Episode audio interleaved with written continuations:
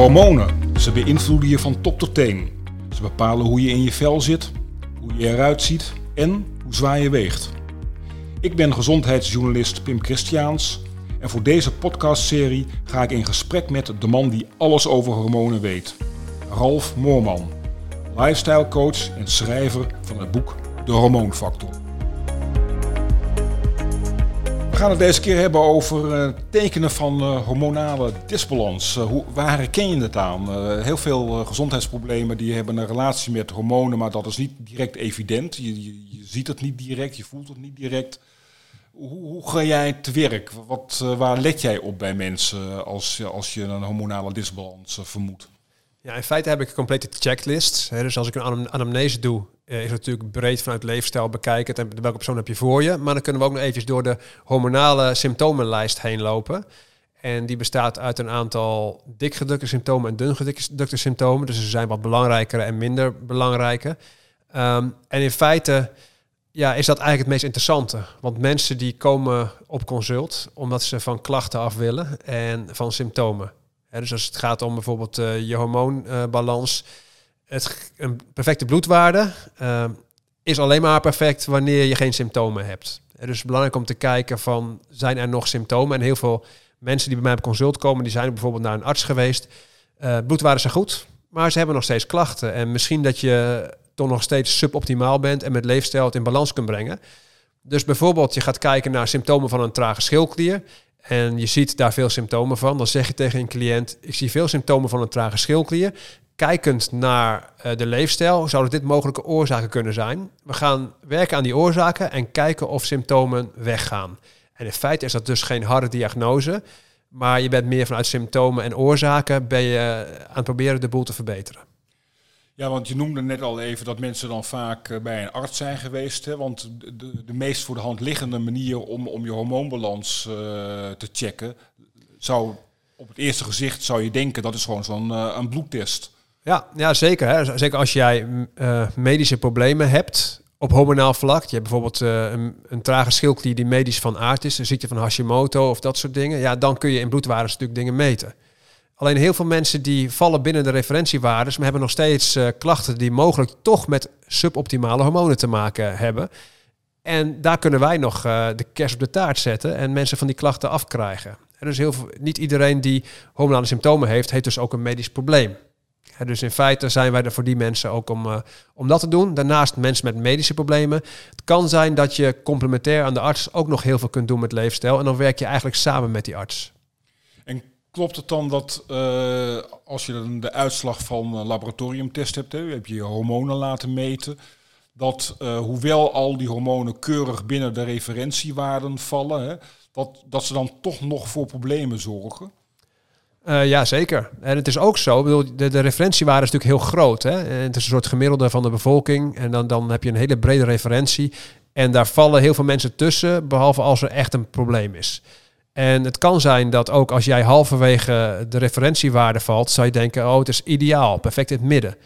Maar het hangt er net van af hoe jouw receptoren functioneren. Dus als je ongevoelige receptoren hebt, dan kun je nog steeds op een bepaald niveau je niet optimaal voelen, terwijl een ander dat wel voelt op hetzelfde niveau. Dus in feite is het, eh, moet je veel verder kijken dan dat. En ook een goede arts doet ook een goede anamnese en ziet naast de bloedwaardes ook de symptomen. En hoe is jouw ervaring met uh, artsen? Gaan zij om met uh, dit soort problemen? Nou, mijn ervaring is dat, dat ook zeker als je naar het medische protocol kijkt, dat ja, wanneer iemand echt gewoon in de, in de marge valt uh, en niet erbuiten, dat ja, een arts vaak niks heeft om mee te werken. Die gaat dan niet vanuit een soort trial aan de gang. Dat zie je eigenlijk heel, heel zelden. Misschien dat natuurartsen dat wat eerder doen. Um, maar dan heb je bijvoorbeeld alleen maar symptoombestrijdende medicatie. Dus iemand die valt nog binnen de referentiewaardes van, van een schildklier. Hè. Die heeft net geen trage schildklier. En wel slaapproblemen. En dan krijgt hij een slaappil. Of die heeft wel depressieve gevoelens. Misschien veroorzaakt door die trage schildklier. En dan krijg je antidepressiva. Terwijl ja, je zou ook met een lage dosering uh, dingen uit kunnen proberen. En dat doen ze natuurlijk niet zo snel. dus misschien dat dat wel interessant zou zijn, omdat die, ja, die symptoombestrijders zijn ook niet leuk. Krijgt allemaal weer bijwerkingen. En ja, je wil niet op een gegeven moment eindigen met uh, uh, zo'n medicijnbakje. Met zoveel voor de ochtend, zoveel voor de middag en zoveel voor de avond. En hoe, ehm, ehm, hoe is jouw samenwerking met, met artsen? Nou, ik moet zeggen dat qua samenwerking, eh, ik met de wat meer vooruitstrevende artsen en de natuurartsen, de uh, hormoonpolie, dus uh, Barbara Haafniet, waar ik natuurlijk het boek mee geschreven heb, daar is natuurlijk een hele goede samenwerking. Maar het, veel artsen vinden het niet leuk als een cliënt van mij zegt van, goh, ik ben bij Ralf Moorman geweest, de, de schrijver van de hormoonfactor, en ik wil graag deze testen laten doen. Nou, dat moet je dus niet doen. Dus ik maak altijd cliënten um, zelfredzaam. Ik leer ze hoe dingen werken. En die vragen op eigen uh, gelegenheid aan een arts. Van bijvoorbeeld, uh, zou, je bij die schildkliermeting dit keer ook de anti-TPO mee kunnen nemen? En de T3. typisch van die waardes die, waar een arts niet veel mee kan, medisch. Maar met leefstijl waarbij die wel interessant is. Nou, en als je dat doet, vaak doet een huisarts dat dan, dan wel. Maar je moet niet aankomen met 30 bloedwaardes en kan ik dit eventjes laten meten. Nee, dat werkt niet. In, in de hormoonfactor, uh, het boek, uh, heb je een apart hoofdstuk met uh, eigenlijk doe de test. Hè? Dan ja. heb je per, bijna per hormoon of per setje hormonen heb je allemaal symptomen, beschrijf je van die, die op wijzen dat er iets aan de hand is. Uh, zullen we het dus een beetje proberen door te nemen? Wat ja. uh, een beetje in grote lijnen, want voor de details moet je echt in het boek zijn. Ja, want sommige hormonen hebben ontzettend veel symptomen. Dus uh, dan kun je een hele lijst ja. door. Maar laten we even met een hele algemene beginnen. Hè. Dat is uh, eigenlijk uh, te veel oestrogeen ten opzichte van progesteron. Wat ook wel uh, dominantie wordt genoemd. Ja, hè, dus de, dat komt natuurlijk heel veel voor. en dat zorgt in de vruchtbare jaren bijvoorbeeld voor een te dik baarmoederslijmvlies met hevige bloedingen. Um, maar het kan ook zorgen uiteindelijk voor allerlei soorten vergroeien door te veel celdeling. En dat kan zijn dat dat kiezers uh, zijn op de eierstokken. Dat kunnen vleesbomen zijn uh, op de spierwand van de baarmoeder. Dat kunnen ook uh, polypen zijn op het baarmoederslijmvlies. allerlei vormen hiervan. Daarnaast kun je ook kijken, als oestrogeen hoog is, wat doet het ten opzichte van testosteron? Dat is natuurlijk mannelijk-vrouwelijk verdeling. celluliet is bijvoorbeeld daar weer in symptoom van. En waar je ook last van kunt hebben, is schommelende oestrogeen. Dat, zijn bijvoorbeeld PMS-klachten. En als oestrogeen heel hoog is en, je, en de schommeling is heftig, ja, dan heb je daar meer last van. Uh, en dat uh, ja, is een andere manier voor, om er naar te kijken. Jeetje. En um, even voordat we verder gaan over die andere uh, aspecten. Wat als je nou als, puur als leek voor de spiegel gaat staan en um, Waar, wat zijn dan de, de meest opvallende dingen die je kunt zien, die kunnen wijzen op een hormonale disbalans? Nou, een voorbeeld is natuurlijk, uh, je kunt naar de huid kijken. Wat natuurlijk heel belangrijk is. Is, is je huid dik of is het droog of is het goed doorbloed? Daar zie je dingen aan. Je kunt ook naar je ogen, ogen kijken. Tenminste, dat kun je voor jezelf niet goed zien. Maar als een ander naar jou kijkt, of jij een scherpe blik hebt en lang je concentratie vasthoudt. Daar zie ik ook bijvoorbeeld heel veel uh, dingen aan. Maar ook je haargroei. Als je bijvoorbeeld een dun haar hebt, dan kan het zijn een diffuus haarverlies, alopecia diffusa, wat met uh, trage schildklier te maken kan hebben. Of een androgenetische kaalheid, mannelijke kaalheid, waarbij het op die specifieke plekken krijgt. Nou, dat kan door, door een vorm van het mannelijke hormoon testosteron kan dat uh, komen. Maar ook zijkant wenkbrauwen die wegvalt, waardoor er nog ja, wat weer mogelijk met de schildklier te maken heeft. en dan kun je bijvoorbeeld kijken naar vetverdeling. Waar zit je vet? Als de insuline hoog is, uh, dan zit het veel op je love handles waarschijnlijk. Uh, als je hoog cortisol hebt ten opzichte van testosteron en groeihormoon, zit wat meer op je, op je buikvet. En bij de vrouw zit het uh, bij hoog oestrogeen wat meer op de benen en billen. Nou goed, dat zijn een aantal voorbeelden van uiterlijke kenmerken. Maar je kunt ook heel veel vragen stellen die je niet van buiten ziet. er zijn heel veel symptomen denkbaar. Maar heb jij, heb jij een soort van beroepsdeformatie gekregen dat als jij iemand ziet voor het eerst, dat je nou automatisch even zo'n snelle scan doet en dan voor jezelf denkt van nou, dit is uh, hier en daar. Ja, ik, ik, heb daar ooit wel, zeker toen ik nog in de opleidingen zat uh, uh, in Amerika, bij die artsenopleidingen, toen ik heel veel met symptomen bezig was, dan, dan was het moeilijk uit te zetten. Tegenwoordig doe ik dat wel. Maar ik vind het ook leuk om bij mijn studenten te zien die dit net leren. Die gaan ook te veel om zich heen kijken. Um, en wat ook zo is, dat zeker als je begint als coach, dat je ook als je iets ziet bij mensen, dat je ook mensen daar bijna op wil aanspreken en een soort van zendelingsdrang hebt om, om, om, dingen, om mensen te helpen. Maar daar, op een gegeven moment stap je daar ook helemaal vanaf. Dat mensen moeten uiteindelijk zelf de vraag hebben om bij jou te komen. En uh, Ja, dat is anders dan dat je mensen dingen door de strot gaat douwen. Dus je hebt eigenlijk uh, in de praktijk afgeleerd om uh, mensen ongevraagd van uh, advies te gaan. Ja, ja dat, dat, dat, maar dat doet iedereen in het begin een paar keer. Want je, je kunt zelf in je hoofd hebben dat, oh, als ik dat zou hebben, dan ik zou weten dat ik er vanaf zou komen, zou ik meteen aan de slag gaan. Terwijl het, dat zegt helemaal niks over die ander die voor je staat. Het kan heel anders zijn. Ja. Maar bijvoorbeeld wat je dan beschrijft over uh, dun haar of uh, puistjes, dat, dat is natuurlijk ook ontzettend interessant, omdat die hormonen kennelijk dus ook heel veel uh, impact hebben op, op hoe je eruit ziet. Ja, nee, uiterlijke kenmerken is natuurlijk een hele belangrijke, maar ook een grote motivator voor heel veel mensen. Die uiterlijk, nou goed, sommige mensen zijn openlijk ijdel en anderen zijn in het geniep ijdel. En in feite, niet ijdele mensen zijn daar niet zo heel veel als je echt doorvraagt hoor ja, ja. en uh, heb je bij jezelf ooit wel eens een hormonale disbalans uh, bespeurd? Nou, ik heb met name mijn hormonen uit balans uh, getrokken door het mee te doen aan een natural bodybuild wedstrijd. eigenlijk tegen de natuur in. Je overlevingsmechanisme uitdagen door een zo laag mogelijk vetpercentage te hebben en een zo groot mogelijke spiermassa. Door en op een gegeven moment heel laag in mijn calorieën te gaan, ook heel laag in de koolhydraten, waardoor mijn schildklier op een gegeven moment op de rem ging. Um, dan zag ik het aan mijn haar wat dunner werd, mijn huid werd droog. Dat zijn dingen die ik wel uh, herkende. En een positief effect. Ik dacht dan denk ik, hey, mijn huid is zo rustig. Ik heb bijna geen ontstekingen. Fantastisch. Maar dat was blijkbaar omdat mijn testosteron uh, op een minimum was uh, gekomen. En dat was toch niet goed. En misschien je stresshormoon te hoog. Die was veel te hoog, ja. Ja, ja. Alleen het stresshormoon is lastiger weer te testen of te meten. Hè? Want dat is, is een, heeft een dagritme en die reageert op korte pulsen en hormonen die je wil, wil meten. Het is eigenlijk makkelijker dat, uh, dat ze redelijk constant zijn. Oh ja, want dan, oh, nu het dan over cortisol hebben, heb, heb je, wat zijn daar dan de tekenen van dat dat, je, dat, dat uit balans is? Nou, in feite, als je over cortisol hebt, heb je het over twee fases. Allereerst de fase waarin je bijnier nog goed zijn werk doet. Uh, waarbij je hele hoge stress hebt met hoge cortisolspiegels. Dan heb je een, ja, misschien een wat hoger bloedsuiker, wat verhoogde bloeddruk. Maar je, je bent scherp, je bent geconcentreerd, je kunt het stress kun je aan door die cortisol. En het kan zelfs met je verslavend zijn. En in deze fase gaan mensen meestal niet ingrijpen. Die werken gewoon keihard door. Um, totdat je in een andere fase terechtkomt. Namelijk uh, dat je cortisol aanmaakt niet optimaal meer aangestuurd wordt door je zenuwstelsel. Met andere woorden, bijna uitputting.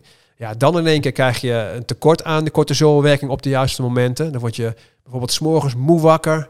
Um, dan krijg je een lage bloedsuiker, want cortisol is daar ook belangrijk voor. Je bent niet stressbestendig. Je krijgt in één keer opvlamming van ontstekingen. Denk aan burn-out en vervolgens uh, netelroos, gordelroos, uh, psoriasis of weet ik veel wat voor opvlammingen van het immuunsysteem er dan in één keer uh, zijn. Ja, en, en als je zover bent, dan, dan gaan mensen vaak wat doen. Maar dan merk je ook dat het heel lang gaat duren als je in het, ravijn ligt. En ook dat je niet goed coachbaar meer bent. Dus in feite in die fase daarvoor, als ze waren gekomen, kun je het prima hebben over jeugdtrauma's, stresskarakters en dat soort dingen. Maar als iemand in een bijna-uitputting zit, dan uh, is hij, uh, ja, moet je met plusje handschoenen gecoacht worden. Hoe, waarom dan? Omdat iemand dan uh, te, te, gevoelig is geworden of zo? Ja, je bent niet stressbestendig en dus ook niet coachbestendig. En ja, als we over hormonen hebben, hebben je het over homeostaseverstoringen. Nou, als iets homeostaseverstorend is, is het wel coaching. Oh, zo, ja. Hey, dus mensen die, die, die uh, barsten dan sneller in snikken uit als je dan uh, wat iets gevoelige opmerking maakt. Ja, bijvoorbeeld, maar dat is niet, het, niet het ergste. Het is wel het is zo dat ja, je zoveel stress weer aanjaagt dat je in feite je probleem uh, ja, in stand blijft. En je wil in, eigenlijk wat je doet, is je wil mensen met plusje handschoenen aanpakken en simpele vragen stellen. Wat geeft je energie? Wat kost je energie? En daar keuzes in gaan maken. Um, en vanaf daar ga je ook met, met leefstijl aan de slag. Dat mensen fitter worden, gezonder eten. En ze gaan zich steeds beter voelen. En die zware mentale onderwerpen, die komen later wel. En dat kost dus heel veel tijd. En de echte oorzaak ligt op die zware dingen. Alleen die kun je pas na een lange periode papa en nat houden, kun je ze eruit trekken. Zoals een jeugdtrauma of Juist. dat soort zaken. Ja. ja. En maar je beschrijft dat cortisol eigenlijk een soort verslavend effect heeft. Hè? Uh, en eigenlijk is het dus heel, heel verraderlijk, omdat uh, iemand die dus heel uh, actief is, kan dus zonder het te beseffen op het randje van de afgrond van burn-out staan. Ja.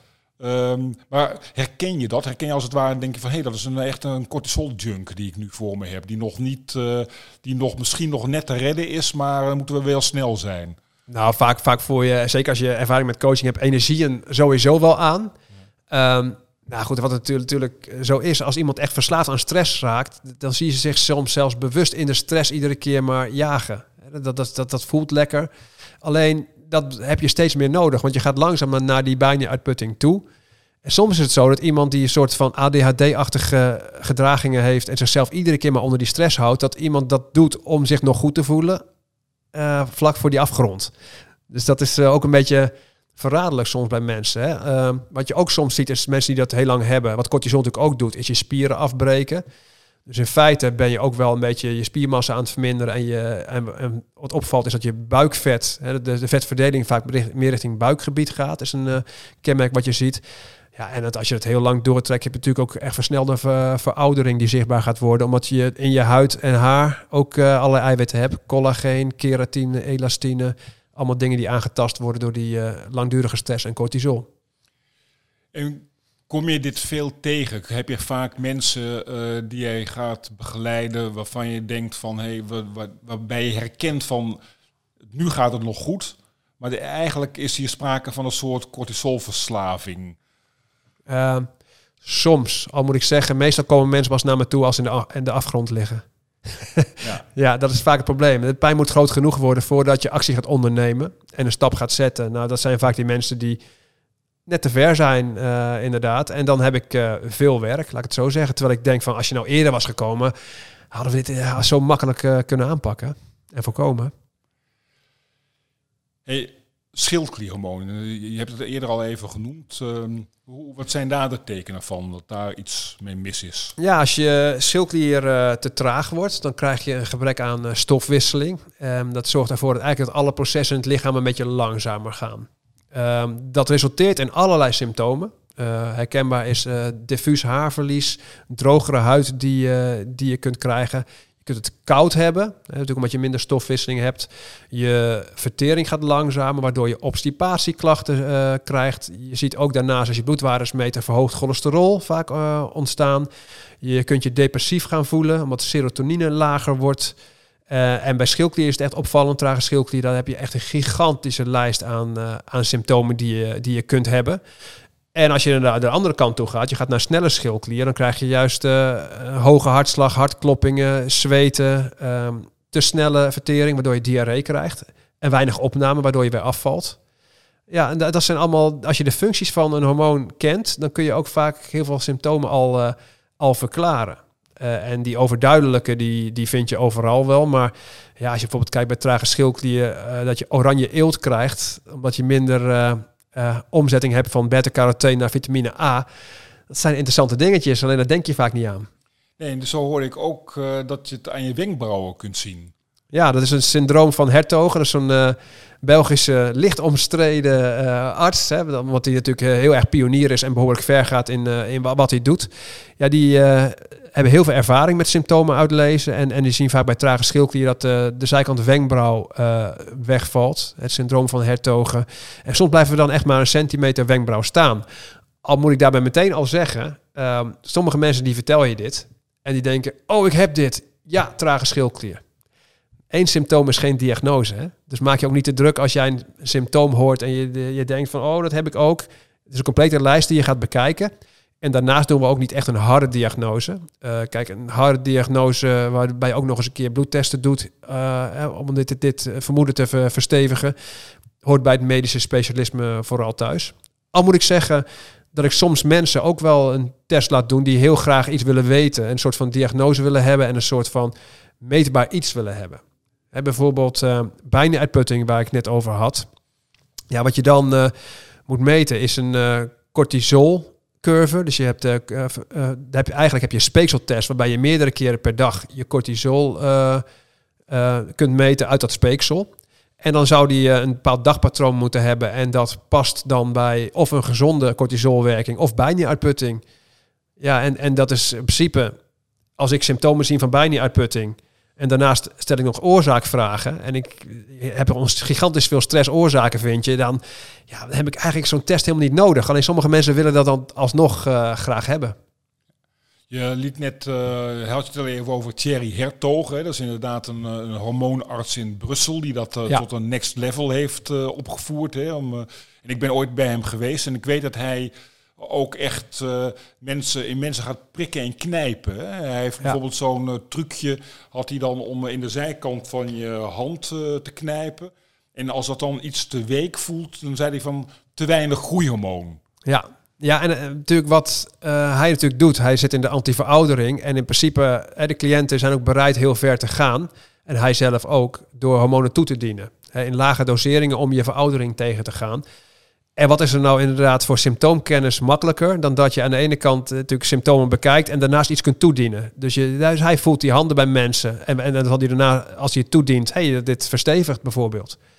dus dat, daar de symptoomkennis, en hij heeft daar ook natuurlijk speciale boeken over gemaakt. Het, is ongekend uh, wat hij weet van symptomen. Maar goed, in de hormoonfactoren noem je ook echt een hele lijst met allerlei symptomen. Ja.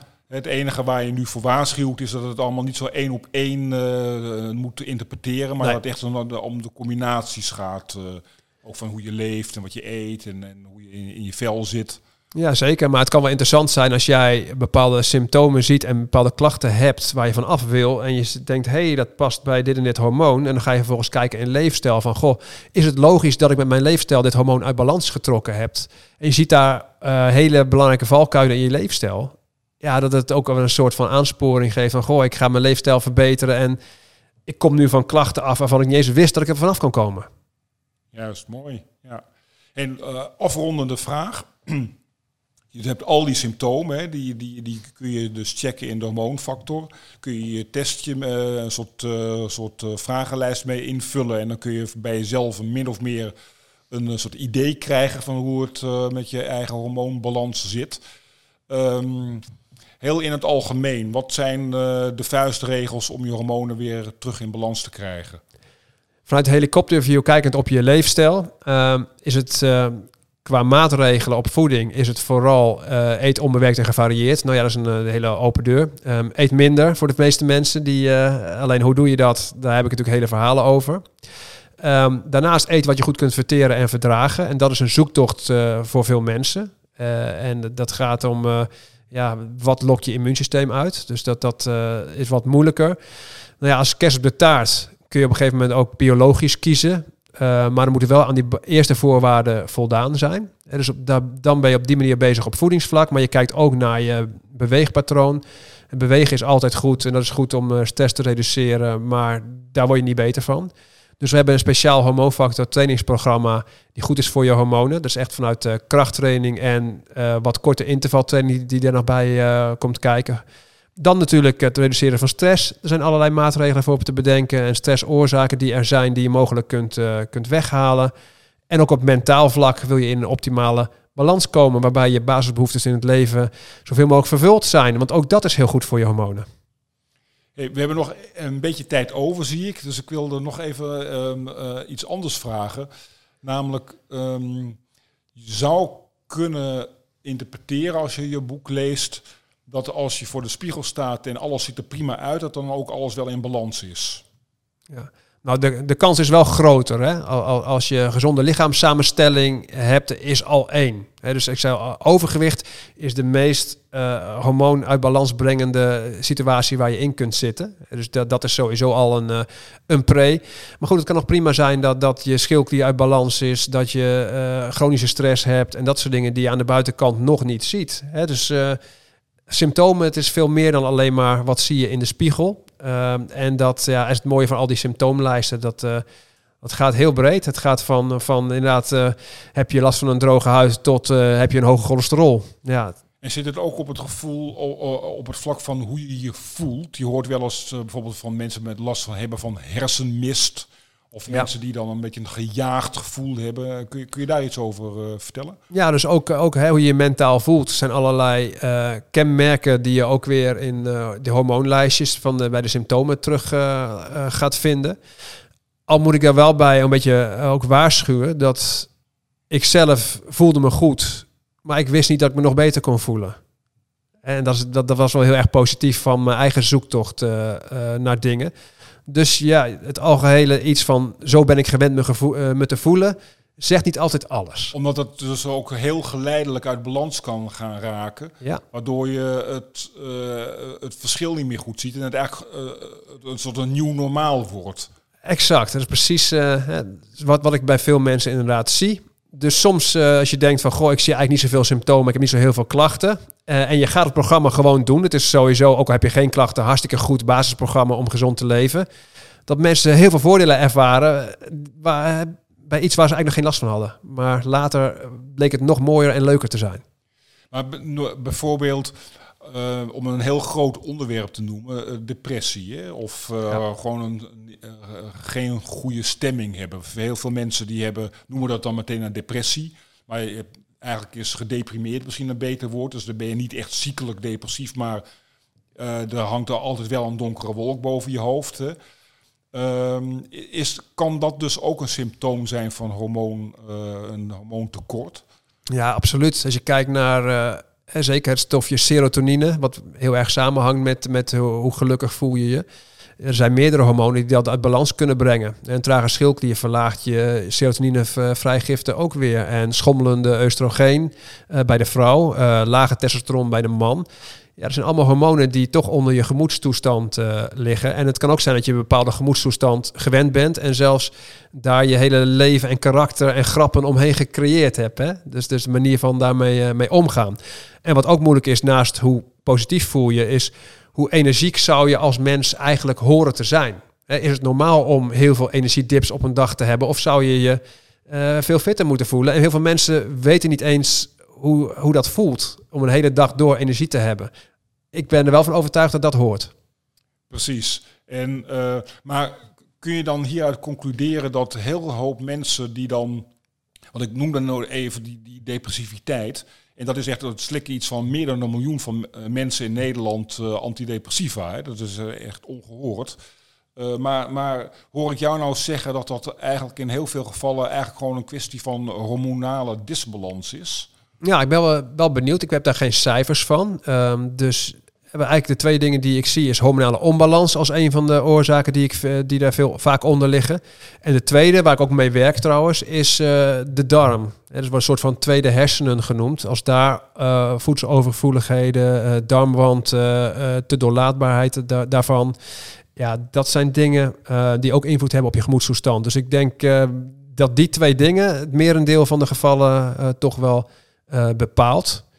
Uh, ja, naast natuurlijk heel veel dingen die op, op, op mentaal vlak misschien zijn uh, op te lossen, trauma's en dat soort dingen. Dus alleen, we moeten veel breder kijken dan alleen maar wat er mentaal gebeurt, maar ook wat er lichamelijk gebeurt. Maar kom jij regelmatig tegen dat mensen die jij begeleidt al depressief bij je binnenkomen en dan toch gedurende de tijd opknappen? Ja, zeker. En, en dan weet ik, weet ik natuurlijk nog steeds niet van is dat vanwege een betere darmwerking en, en minder ontsteking in het lichaam. Natuurlijk ook immuunsysteem zuipt ook energie en maakt, uh, kan je depressief maken. Uh, maar ook je hormonen. En nog één hormoon die ik naast die ik al genoemd heb, maar even mee kan, nemen, is ook natuurlijk het belang van een, eh, van een goed dagritme. En dat is bij heel veel mensen ook verstoord. Niet alleen door hun leefstijl, maar ook door hormonale onbalans. Zoals bijvoorbeeld uh, chronische stress, waarbij je s'morgens eigenlijk, uh, ja, cortisol is niet alleen een stresshormoon, maar moet je ook s'morgens wakker schoppen. En de tegenhanger melatonine die gaat s'nachts aan het werk. En die balans is bij heel veel mensen verstoord. En dat ligt ook heel vaak onder, uh, onder depressie, een verstoorde 24-uursklok. Ah, maar eigenlijk is het uh, heel heftig wat je vertelt, hè, als je er goed over nadenkt. Ja. Dat die, uh, want er zijn echt massa's mensen die hebben geen energie en ze zijn een beetje down en problematisch en gaan, zijn, zijn niet meer vrolijk en uh, zitten zelfs gewoon thuis op de bank en kunnen hun werk niet meer goed doen. Terwijl dat dus eigenlijk allemaal symptomen kunnen zijn van hormonale disbalans. Ja, en er moet inderdaad veel breder gekeken worden naar mogelijke lichamelijke oorzaken die onder mentale problemen liggen. En, en dat, ja, dat zie je toch steeds te weinig. Want als je eenmaal aan die ja, symptomenstijgers gaat met al die bijwerkingen, je komt er ook weer moeilijk uit. Hè? Want je hebt ook natuurlijk weer afbouw en dat soort uh, dingen. En, en er zijn gewoon heel veel mensen die, die komen hier gewoon niet meer uit. Ja, ja. En je had het misschien kunnen voorkomen door beter je, je allereerste intakes te doen en ook op die uh, onderdelen te gaan kijken. Dus toch beginnen, het begint allemaal bij eh, die hormonale balans zien te bereiken.